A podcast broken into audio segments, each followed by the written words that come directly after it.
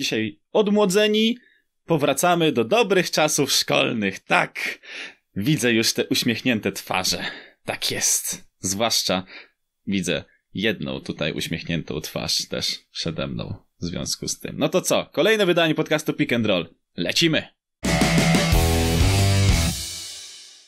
Najnowsze wydanie podcastu Pick and Roll. Bartłomiej Misztal, witam wszystkich bardzo gorąco. Ten, który się uśmiecha z tego powodu, że wraca do szkoły, jest Adam Fabisiewicz. Cześć Adamie. Cześć Bartek, żebyś wiedział... Yy od przez cały wstępniak, który prowadziłeś, uśmiech mi nie schodził z ust, więc e, rzeczywiście trafiłeś e, w sedno, no i to tylko potwierdza, że znasz mnie jak mało kto, a inna sprawa, dobre pytanie jest takie, jak znasz e, wszystkie drużyny, które wystąpią w tegorocznym męskim March Madness i tym się będziemy zajmować, więc już się też nie mogę doczekać twoich typów. Dzień dobry. Dokładnie. E, znaczy, typy typami. No, ja z racji tego, że ma, będę zaglądał często, czy to do, na kartkę, którą mam tutaj e, na moim biurku, czy to też będę zaglądał w ekran monitora, to będzie mi tak głowa chodziła z góry na dół, ale to nie będzie oznaczało, że się będę ze wszystkim zgadzał. Żeby ktoś sobie nie pomyślał, że ja jestem e, taki uległy, jeżeli chodzi o wiele e, kwestii. Pytałeś się mnie o to, jak dużo znam tych programów uczelnianych. No muszę ci powiedzieć, że starałem się poznać wszystkie i dzięki temu udało mi się wynaleźć kilka upsetów, y, o których pewnie będziemy też mówili w dalszej części tego programu, ponieważ dzisiaj cały program jest poświęcony koszykówce akademickiej. Za niedługo, bo w czwartek Późnym wieczorem rozpocznie się March Madness. E, tak, marcowe szaleństwo, znane też w Stanach Zjednoczonych jako Big Dance, czyli wielki taniec. E, a to wynika w prostej linii z tego, że drużyny, które zaczynają ten turniej, zaczynają też swój taniec i ten taniec może trwać aż do samego końca. Koniec nastąpi 5 kwietnia. O co chodzi ogólnie? Koszykówka akademicka co sezon ma turniej mistrzowski, w którym wyłania się najlepszą organizację akurat w danym sezonie. No i muszę powiedzieć, że mamy bardzo ciekawe grono kandydatów. Na wstępie musimy chyba wszystkim wyjaśnić, że drużyny, które od dłuższego czasu, i to od bardzo dłuższego, od bardzo długiego czasu, były obecne w tymże turnieju, pierwszy raz od 1970 szóstego roku nie pojawił się w tym turnieju. Chodzi tutaj o Duke Blue Devils Majka Krzyżewskiego i Kentucky Wildcats Johna Calipariego. Organizacje, które wyprodukowały bardzo dużą ilość zawodników, e, chociażby do NBA, czy też do drużyn europejskich. A teraz pierwszy raz od wielu, wielu, wielu lat, od ponad 40 lat, nie zagrają w turnieju mistrzowskim. Szok? Myślę, że nie. I obawiam się, że Adam będzie miał podobne zdanie. Tak, ja już powiedziałem ci trochę przed y, programem, że nie jestem tym zaskoczony i wyłożyłem pokrótce dlaczego. Przekażę to też naszym słuchaczom i oglądającym, a mianowicie, jeżeli chodzi o e, Duke i Kentucky, to e, rok rocznie mówiło się o tych uczelniach jako elitarnych programach, które przekazują na parkiety NBA naprawdę bardzo wielu koszykarzy. Dowód na to prosty, ponieważ obecnie mm, na parkietach NBA biega 30 bodajże 8 absolwentów e, Kentucky z różnych roczników. To jest naprawdę mega wynik. E, z Duke jest ich mniej, ale niewiele mniej, zaręczam. Natomiast to wszystko musi się kiedyś odbić e, na koszykówce akademickiej sensu stricto, czyli na tym, jak grasz e, w obrębie własnego pro programu uczelnianego. No bo mając z roku na rok przemiał ludzi, nie jesteś w stanie zbudować organizacji, która będzie mogła jednocześnie skutecznie rywalizować o mistrzostwo kraju. I to widać na podstawie, na przykładzie Majka Krzyżewskiego, który goni e, rekord Johna Udena, chce go przebić, jeśli chodzi o liczbę awansów do, do Final Four. Tymczasem no, wciąż się nie udało i musi poczekać na to Mike Krzyżewski kolejny rok. John Calipari pewnie też jest nieco zniesmaczony, no ale on mm, już się chyba przyzwyczaił z jednej strony, że pozostaje trochę w cieniu Majka Krzyżewskiego, a z drugiej strony no jest spokojny o pracę, bo jak wiemy około dwóch lat temu podpisał z Kentucky dożywotni kontrakt trenerski. Nie? To jest dopiero historia. Co by się nie działo, masz robotę po wsze czasy. Piękna sprawa. W dzisiejszych, w dzisiejszych realiach każdy z nas by tak chciał. No a wracając do koszykówki, są też minusy, no bo o ile oczywiście ci trenerzy są doceniani za wielką robotę, jaką robią i jak wiele prospektów na parkiety NBA dają, no to przekłada się to na brak konsystencji w grze uczelnianej, jak już powiedziałem. No i efekt tego taki, że e, nie ma e, ani jednej, ani drugiej e, drużyny w March Madness. Ja przyznam Ci szczerze, Bartku, jak Ty mówiłeś jeszcze w, w, dla chłopaków z rostera w podcaście, że Ty jesteś w zasadzie pewien, że Duke i Kentucky nie wejdą no to ja tak sobie myślałem, a co on, co on gada? No, przecież wiadomo, że według tego kwadrantu nie, historyczności i prawdopodobieństwa statystycznego, którym komisja NCAA kieruje się e, podczas Selection Sunday, no to byłem pewien, że zostaną prze, prze, przeniesione te organizacje do, do drabinki. Tymczasem jednak miałeś rację i, i oddaję Ci szacunek. Z weteranów można się cieszyć tylko tym, że z weteranów na placu boju został chociażby Roy Williams i North Carolina Tar Heels, no i, no i oczywiście mój ulubiony e, Jim Beheim, który też gra w turnieju z Syracuse Orange, więc to mnie cieszy.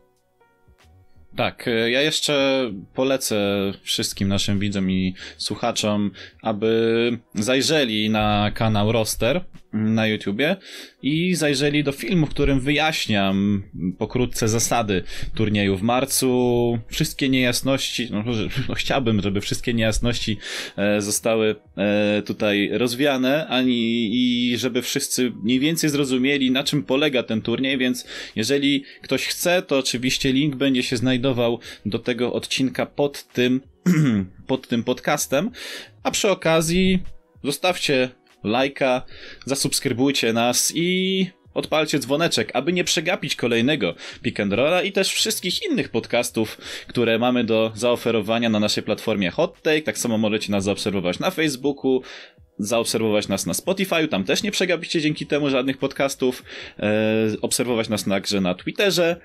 Jeżeli nie macie problem ze znalezieniem tego wszystkiego, hottake.pl i wszystko będzie jasne. Ty mówiłeś o weteranach, tej sceny. No i muszę ci powiedzieć, że co do jednego weterana jestem.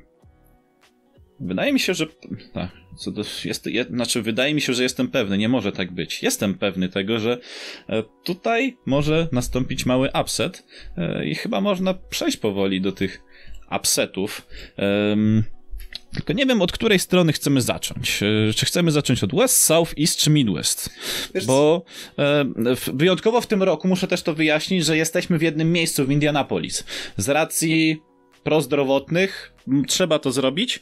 Normalnie byłoby to podzielone na cztery strony Stanów Zjednoczonych i, i w miarę rozwoju turnieju, czyli przechodzenia do pułapu Sweet 16, Elite 8 i Final Four, przechodzilibyśmy na coraz większe hale, bardziej prestiżowe, aż w końcu zakończylibyśmy to na hali futbolowej. W tym wypadku jest to Lucas Oil Stadium, czyli stadion Indianapolis Colts, drużyny, która działa w NFL i działa sobie całkiem dobrze, patrząc przez pryzmat ostatniego sezonu, e, więc można sobie wyobrazić, jaki to jest rozmach. A to są jeszcze studenci.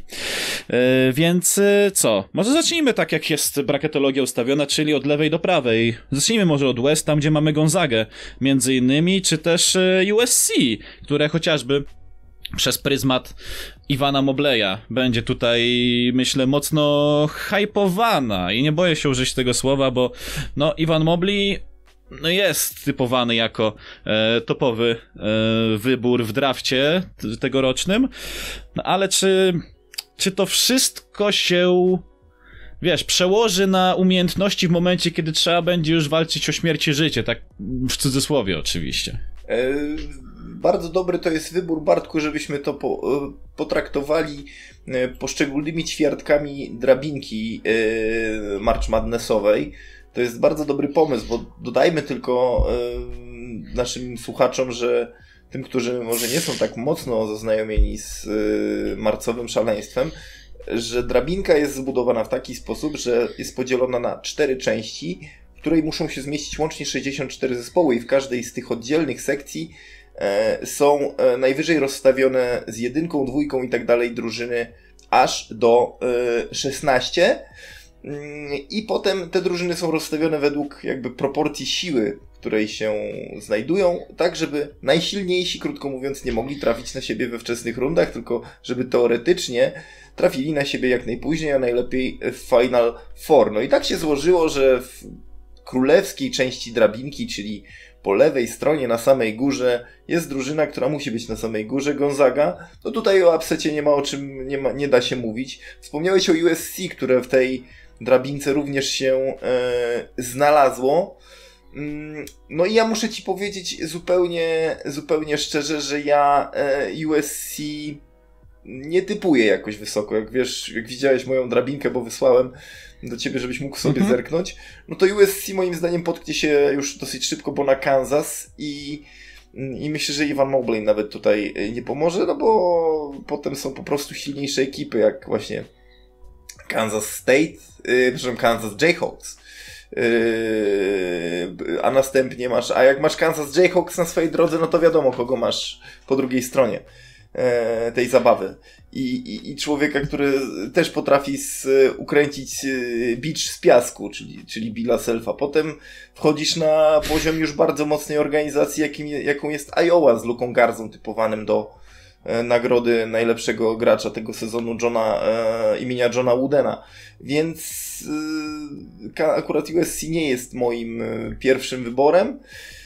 E, Też nie wiem, jak patrzeć e, w tej części drabinki na drużynę Creighton, bo dla mnie Creighton jest takim być może czarnym koniem troszeczkę. Eee, drużyna, która jest już po przejściach w tym roku, ponieważ wiadomo, historia z szatnią, gdzie trener powiedział coś, co zostało odebrane jako no, despekt wobec ludzi o innym kolorze skóry. Oczywiście wywiązała się dyskusja na ten temat. Y, Trener był przez chwilę zawieszony. Mówimy tu o trenerze McDermotcie. Już wrócił do pracy, ale mimo wszystko niesmak pozostał i, i ciekawe jak to wpłynie na ekipę Creighton, bo oni radzili sobie szczególnie w drugiej części sezonu znakomicie. Więc dla mnie w tej części drabinki takim języczkiem uwagi może być Creighton, chociaż nie zaskoczę cię, jeśli powiem, że dla mnie tutaj Gonzaga jak walec powinna przejść e, przez całą drabinkę, prawdopodobnie począwszy od Norfolk, którego, które obstawiam jako drużynę będącego rywalem w pierwszej rundzie po e, ten First Four,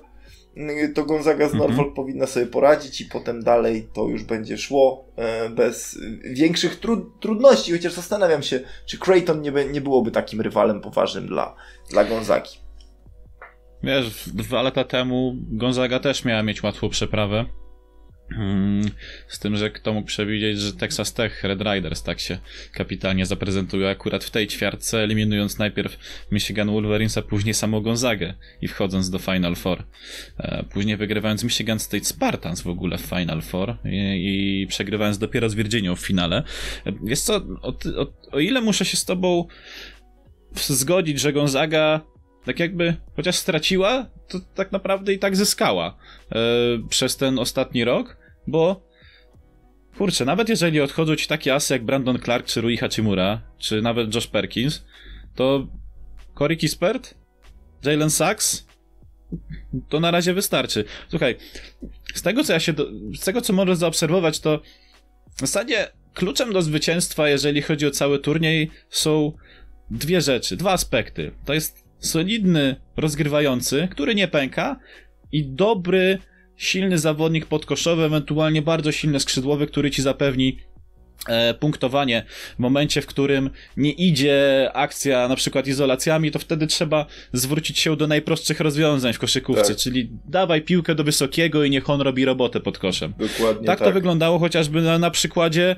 em, UCF Knights, które miało Takofola w swoim składzie i pamiętasz, że dwa lata temu Duke o mały włos się nie wykoleiło już w drugiej rundzie właśnie przez tego Takofola, który zanotował cztery czapy na Zionie Williamsonie, jakby ktoś e, miał złudzenia. Tak, tak było, ja to liczyłem, bo ja komentowałem ten mecz. A ja ten mecz Yy, widziałem i, i- pamiętam, e, to, był, to było wrażenie, które, muszę się z tobą podzielić, bo i, i słuchaczami, bo miałem wrażenie, kurde, no, gościu, który jest tak hypowany, ma być gwiazdą NBA, drugim Lebronem, jest po prostu przykryty czapką, jakby był jakimś małym chłopcem na podwórku z, wielkoludami, z wielkoludami, to dosłownie z wielkoludem, nie? To niesamowicie mhm. się to oglądało.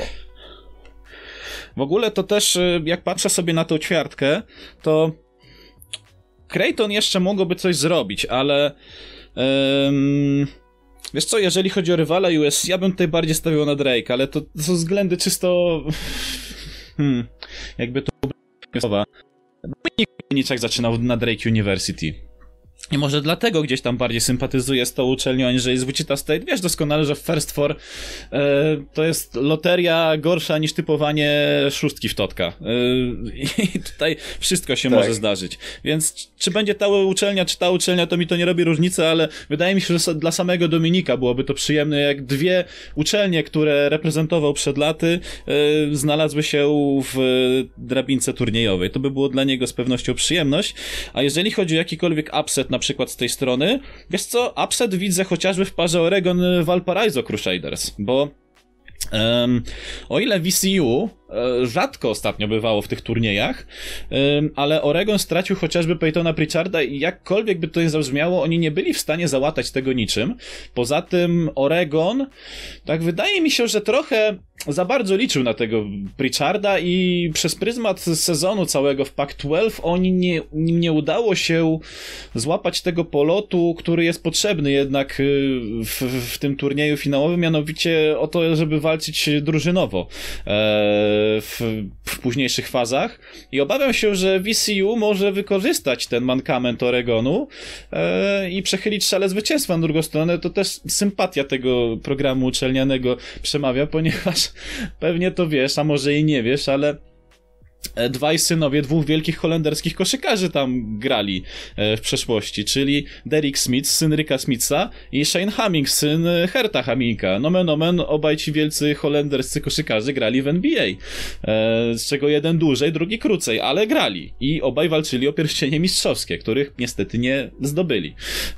Więc to przemawia z, też za mną, że VCU jako taki świeżak może wejść do tego turnieju i już sprawić niespodziankę na samym początku, bo z Iowa może im być z, z, o wiele gorzej, ale Oregon jest, jak dla mnie przynajmniej, do grania. Nawet jeżeli VCU jest ustawione z dziesiątką, a Oregon z siódemką. Rozumiem. No to wiesz co, ja już a propos tej górnej części powiedziałem wszystko, natomiast jeśli chodzi o cząstkę East, tutaj e, wiadomo, z jedynką rozstawione Michigan Wolverines i w pierwszej rundzie E, mieli, mieli na razie, mm, jakby czekali na swojego rywala, ale strzelam, że jednak zagrają z uczelnią M, e, MSM, więc e, tutaj mimo wszystko Michigan powinno, powinno sobie w tej rundzie mm, poradzić i tutaj wybór pomiędzy rywali LSU San Bonaventure St. Bonaventure nie jest stałym bywalcem, więc e, e, March Madness LSU już potrafiło pograć w zeszłym turnieju bardzo przyzwoicie, więc dlatego stawiam na LSU, no i tutaj w tej parze Michigan powinno sobie dojść dalej, aż do mm, powiedzmy ćwierćfinału, czyli finału swojego regionu.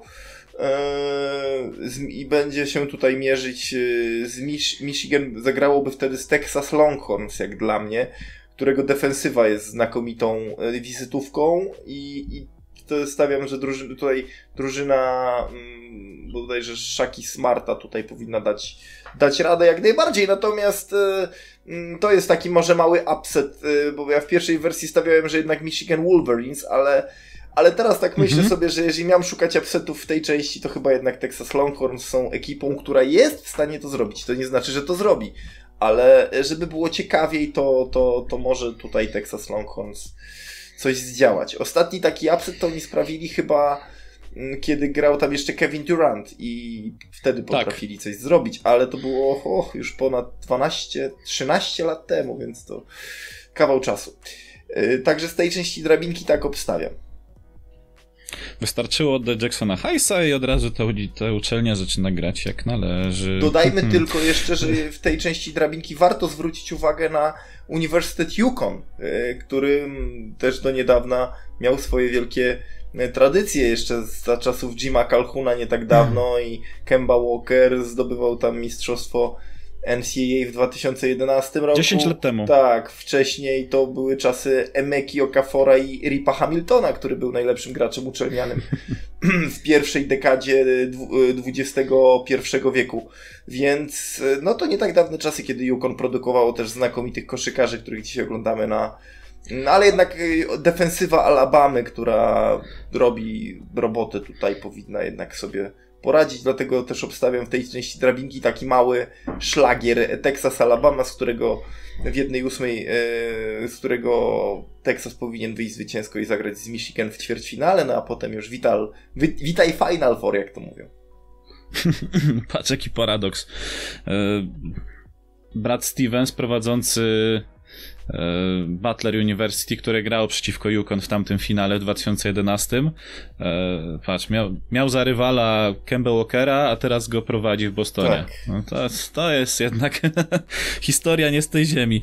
E, ja jeżeli chodzi o ten, o, te, o, o tę stronę, czyli o region East, co muszę zwrócić uwagę na mecz FSU UNC Greensboro, bo jest to UNC, ostatni raz grało 3 lata temu, wcześniej 16 lat musieli czekać na to, e, żeby wdostać się do turnieju finałowego. Wtedy grali z Gonzagą i ledwo, ledwo i by ich przeszli. To była historia, prasa to opisywała na miarę tego meczu ostatniego w filmie Coach Carter. Dramaturgia do samego końca. Też błędy w jednej, po jednej i po drugiej stronie e, były obecne.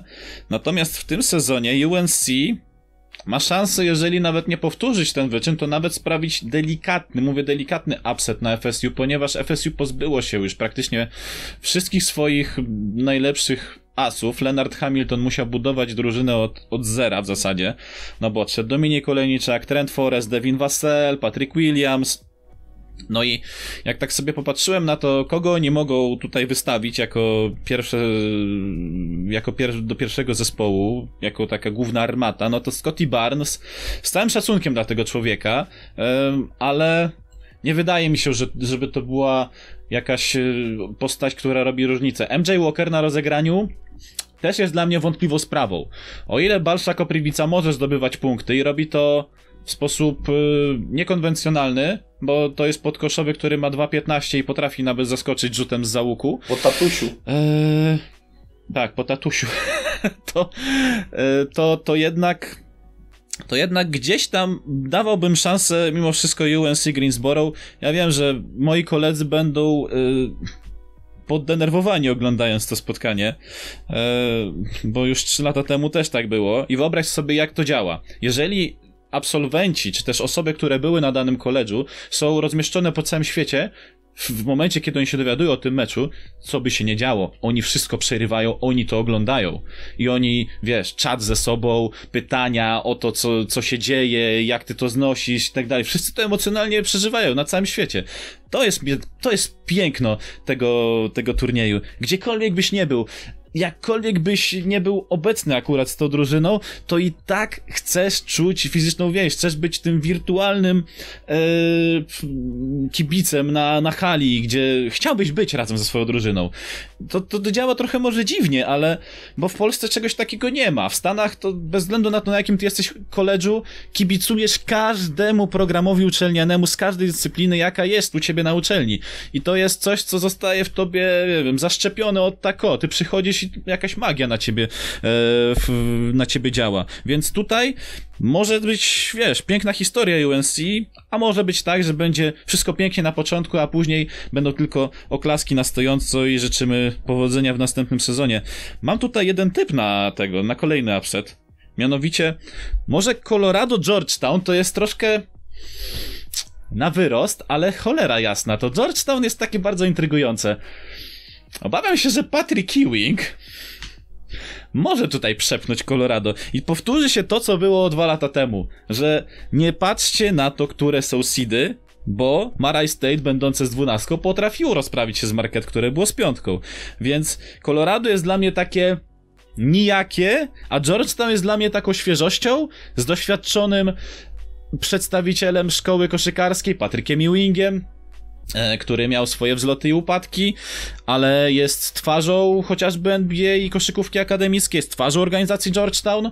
Myślę, że nawet Allen Iverson się ożywi w tym momencie, e, więc tu może być e, ciekawie. Tak samo może być ciekawie, jeżeli chodzi o University of Connecticut z Maryland, bo to wszystko jest na styku. Wiesz, 10 lat temu było 10 lat temu, teraz jest to, co jest teraz i Tutaj nie jestem pewien, że Yukon tak łatwo sobie poradzi z Maryland Terrapins, bo, bo wiele znaków na niebie i ziemi mi podpowiada, że jednak Yukon może mieć przewagę, ale tę przewagę w którymś momencie może roztwonić. To prawda i pamiętajmy, że to jednak chodzi o męską drużynę Yukon Huskies. U kobiet to wygląda zupełnie inaczej, ale o tym przy innej mm -hmm. okazji. E, e, to tak, e, wszystko ładnie umówiłeś. Jeszcze... Podkręcamy tempo, Adam. Tak jest. Jeszcze tylko szybko słówka a propos Leonarda Hamiltona. Zobacz, jak e, ten rok zmienił wszystko, jeśli chodzi o układ sił. Florida e, State Seminoles w zeszłym roku byli mistrzem konferencji i pewnie liczyliby się w walce o Final Four, a teraz jest zupełnie inna historia. E, no, ale w tej walce o finał konferencji, e, o Final Four na pewno liczyć się będą drużyny z konferencji, a może tak nietypowo, teraz zacznę od dołu. Midwest. A zaczynam od dołu, Midwest. dlatego że mamy tu mm, organizację, która mnie zupełnie fascynuje. E, czyli organizacja Illinois Illy. E, to jest drużyna, która dla mnie może zrobić ogromne rzeczy. Ejo do Sunmu e, to jest jeden z typów na bardzo wysoki pik w drafcie dla mnie w tym roku. I gracz, który robi, robi różnicę.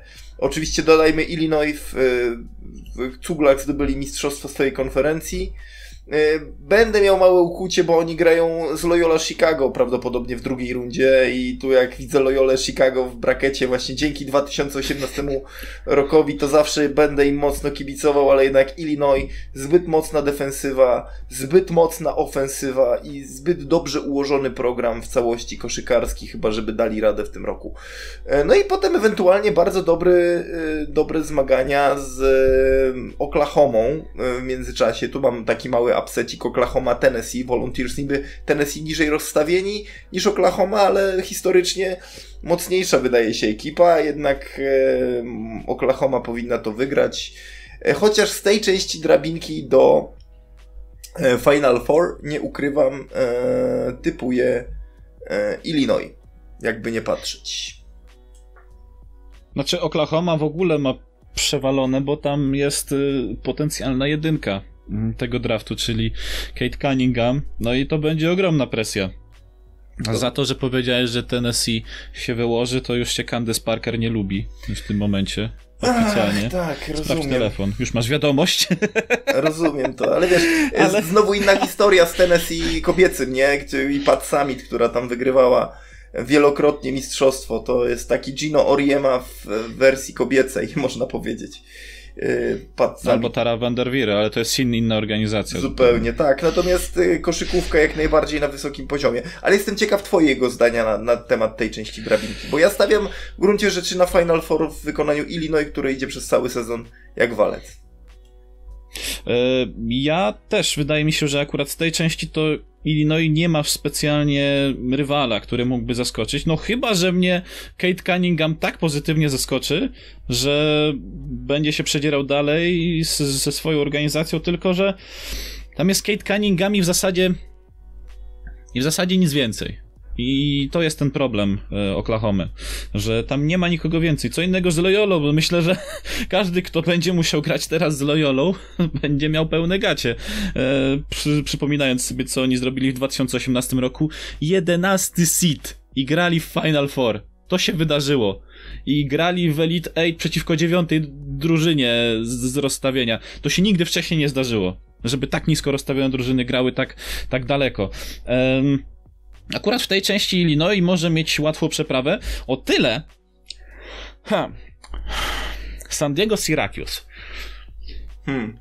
Wiesz co, Syracuse ma trochę krótką ławkę i to jest problem akurat Jima Bayhema, że o ile drużyna radzi sobie całkiem nieźle i jest budowana na zasadzie fundamentalnej gry w koszykówkę, czyli zaczynamy od obrony, gramy zespołowo, rozgrywający zna swoją robotę, każdy zna swoją robotę. Ale tutaj problem właśnie leży w tym, że to jest za krótka ławka rezerwowych i może zabraknąć tych sił w momencie, kiedy pierwsza piątka nie będzie sobie radziła, ale daje im szansę przeciwko San Diego State, ponieważ San Diego State nijak mi nie przypomina tego San Diego State, które jeszcze tak bardzo hypowaliśmy rok temu, przed anulowaniem całych rozgrywek. Um, I tutaj może być szansa dla Jima Bayhema na to, żeby się przedrzeć przez pierwszą rundę. Druga runda powinna być trochę nawet łatwiejsza, nawet jeżeli West Virginia miałaby tutaj stanąć naprzeciwko. Um, więc Syracuse może zrobić delikatny upset, ale bardziej ja bym się obawiał tutaj jeszcze dolnej części tej, tego regionu, czyli Clemson Rodgers, bo o ile Clemson gra bardzo fajnie w sezonie regularnym, oni mają tylko jednego człowieka. I, I nic więcej. Nie mają do zaoferowania, jeżeli chodzi o później turniej finałowy.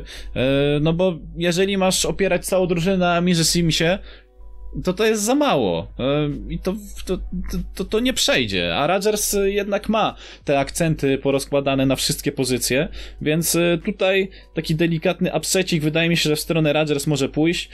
Kto wie, może nawet Cleveland State zawojuje Houston, ale obawiam się, że akurat Houston sobie nie pozwoli w kaszę dmuchać, więc mm, mimo wszystko ja z tej części drabinki bym stawiał albo na Houston, które wydaje mi się pewniejszą drużyną e, z tej, z tej części, albo na West Virginia, która mimo wszystko by wygrała z Syracuse właśnie przez to, że Jim Bayhem miałby za krótką ławkę e, do tego, aby tutaj zawojować coś dalej niż e, druga runda. No cóż, cie, ciekawie, wiesz co, o tyle to jest ciekawa strona Midwest, że tutaj praktycznie nie mamy pewnej jednostki, która by tutaj była znaczącym, wyraźnym liderem, chociażby to Illinois nawet, które jest rozstawione z jedynką, to ja nadal mam wątpliwości, czy tutaj oni są takim głównym faworytem, czy po prostu tak jest różnorodność, taka jest różnorodność w tych organizacjach, że za tydzień zobaczysz tutaj zupełnie inne oblicze tego regionu. Rozumiem. Y, ja powiem Ci teraz już przechodząc płynnie do ostatniej części, czyli mhm. South. Y, jak wypełniałem drabinkę, to w zasadzie Baylor z miejsca umieściłem tutaj, ale potem jak sobie zacząłem to analizować na spokojnie, na chłodno, to stwierdziłem, mhm. że to wcale nie musi tak łatwo Baylor się udać E, no dobra, mecz Baylor-Hartford tutaj bez dwóch zdań. Baylor-Wisconsin oczywiście też. E, Scott Drew i jego ludzie mają przewagę. E, no ale potem się już zaczynają schody. Baylor Villanova, tak wygląda to u mnie w brakecie, które stawia mimo wszystko nad Purdue, mimo problemów Villanowy ze składem, z protokołami zdrowotnymi i tak dalej, to jednak Mm, jednak myślę, że Jay Wright coś przygotuje. To jest zbyt wytrawny gracz, żeby nie dał rady. No i tutaj po wielkim meczu stawiam jednak na Baylor, ale później e, od ćwierćfinału, e, czyli od finału tej części regionu, zaczynają się schody. No bo w e, ćwierćfinale mogą trafić gracze Baylor na kogoś z pary, obstawiam Arkansas, Ohio State. No i w Ohio State Buckeyes masz tego niesamowitego dzika Dwayna Washingtona i zastanawiasz się, czy faktycznie Baylor są w stanie wygrać, mimo że Baylor, mimo że są mocną ekipą zarówno w ataku, jak i w obronie, ale Ohio State są ekipą bardzo też zbilansowaną i e, Tutaj jednak mimo wszystko, no, chociaż pisałem Baylor jako kandydata do Final Four, to wydaje mi się, że Ohio State może te plany skutecznie pokrzyżować drużynie y, Scotta Drew. Może tak być, nie musi tak być, bo wiesz co, systematyczność też trochę prze, przemawia za Baylor. Baylor też e, od poprzedniego roku, pamiętasz, nie, nie spadli jakoś niżej nie, w swoich notowaniach, w rankingach, tak, więc są bardzo. to jest praktycznie ta sama drużyna, którą mieliśmy w zeszłym sezonie, E, więc Scott Drew ma z czego wybierać. Poza tym, no jest, jest e, ten Jared Butler, o którego pewnie będą się bili w tegorocznym drafcie. Jest, ma, ma, jest e... też Mark Vital, pamiętaj, ten podkoszowy, jest Macy mhm. No jest ich kilku takich naprawdę kozaków.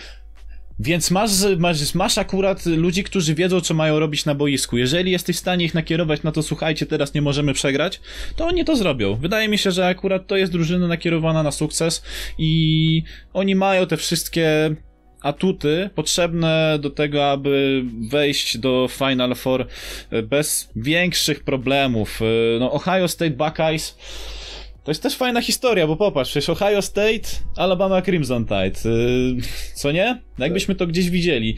Yy, I tutaj takie, takie rzeczy yy, się dzieją, więc no... Ohio State może być zagrożeniem dla Baylor, ale, ale ja akurat w tej części drabinki, pomimo tych drobnych problemów, że po drodze może być też Villanova, no nie oszukujmy się, Villanova to jest jedna z lepiej zbierających drużyn w tej, w tej lidze bo oni jeszcze w zeszłym sezonie, pamiętam, mieli nawet, nawet mecze z 50 zbiórkami na mecz. To jest, to jest ogromna liczba, jeżeli chodzi o koszykówkę akademicką. W ogóle, jeżeli chodzi o koszykówkę. 50 zbiórek w jednym meczu? Tak. A to, to są tylko studenci. Yy, więc yy, tutaj walka pod koszem może się rozwikłać. I popatrz, jeżeli przeciwko takiej systemowej koszykówce e, postawisz na prostą koszykówkę, to która koszykówka wygra? Obawiam się, że tutaj mogą pójść, wiesz, drobnostki, takie jak kto ma silniejszego zawodnika, kto może, nie wiem, tutaj bardziej powalczyć y, barkami pod koszem, kto będzie sprytniejszy w rozgrywaniu. To wszystko, wiesz, taktyka pójdzie do kosza w tym momencie, bo będą takie momenty i ty wiesz doskonale, że będą takie momenty, bo, bo to są jeszcze studenci i oni nie wiedzą, jak y, do tego podejść profesjonalnie, że oni zapomną o tym wszystkim i będą grali swoje, wierząc w swoje możliwości fizyczne przede wszystkim i w swoją technikę którą już mają na pewnym poziomie, e, więc możemy mieć taką też szaloną koszykówkę, ale dzięki temu my to kochamy.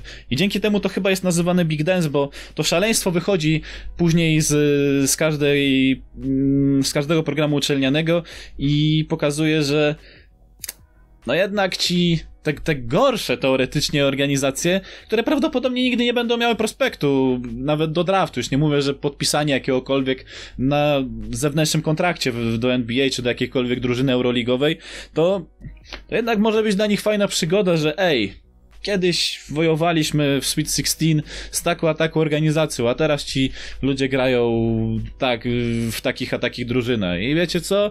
Ja tego gościa to na przykład, nie wiem, zabrałem piłkę dwa razy i dzięki temu wyszliśmy na run 5-0 w przeciągu 13 sekund. No i, i wtedy tak tworzą się historie. Takie niepisane historie i tego życzę Myślę, że ty też życzysz wszystkim organizacjom, żeby się zaprezentowały jak najlepiej, bo bez względu na to, kto wygra, My i tak wiemy, że to będzie fajny turniej. To znaczy, ja mam jednego, jeden typ na zwycięzcę i to jest ten typ, y, ten na czapce. Michigan Wolverines. nie pytajcie dlaczego. Nie, nie pytam, ja po prostu lubię ich. Nie I pytamy po... dlaczego, to jeszcze tylko Poza... ja, ja, dodam od siebie na koniec, Bartek, że ja stawiam mimo wszystko na Gonzagę. Mało popularny, mało, mało odkrywczy typ po całym sezonie, ale Gonzaga od początku do końca. Znaczy ja chcę, żeby Juan Howard, który nie zdobył jako zawodnik mistrzostwa, chociaż miał dwie szanse ku temu. Zdobył chociaż jako trener. Niech ma, niech ma. To jest wspaniała organizacja. Ta organizacja jeszcze poczeka, California Golden Bears. Oni czekają na kolejnego Jasona Kida, który tam wisi u mnie e, za plecami. A tak jak mówiłeś o Gonzadze, to John Stockton jakby co wywodzi się z Gonzagi. Dobra, to w takim razie kończymy. Więcej informacji myślę za tydzień jak się uda. Jak się uda, oczywiście, bo nie obiecujemy, ze względów technicznych może nam nie wyjść kolejny podcast, ale obiecujemy powiadomić o tym w najbliższym czasie, jeżeli e, zajdą jakieś e, problemy z tym związane. I pamiętajcie, żeby nas obserwować, lajkować, subskrybować i mm, nacisnąć dzwoneczek, żeby nie przegapić kolejnych podcastów, a wszystkie informacje znajdziecie na stronie hottake.pl. Kończymy to wydanie podcastu Pick and Roll. Był Adam Fabisiewicz. Dzięki Adam. Dzięki. I byłem też ja, Bartłomiej Misztal. Śledźcie nas, obserwujcie, słuchajcie i oglądajcie. Życzę miłego dnia, do zobaczenia, do usłyszenia. Na razie. Cześć.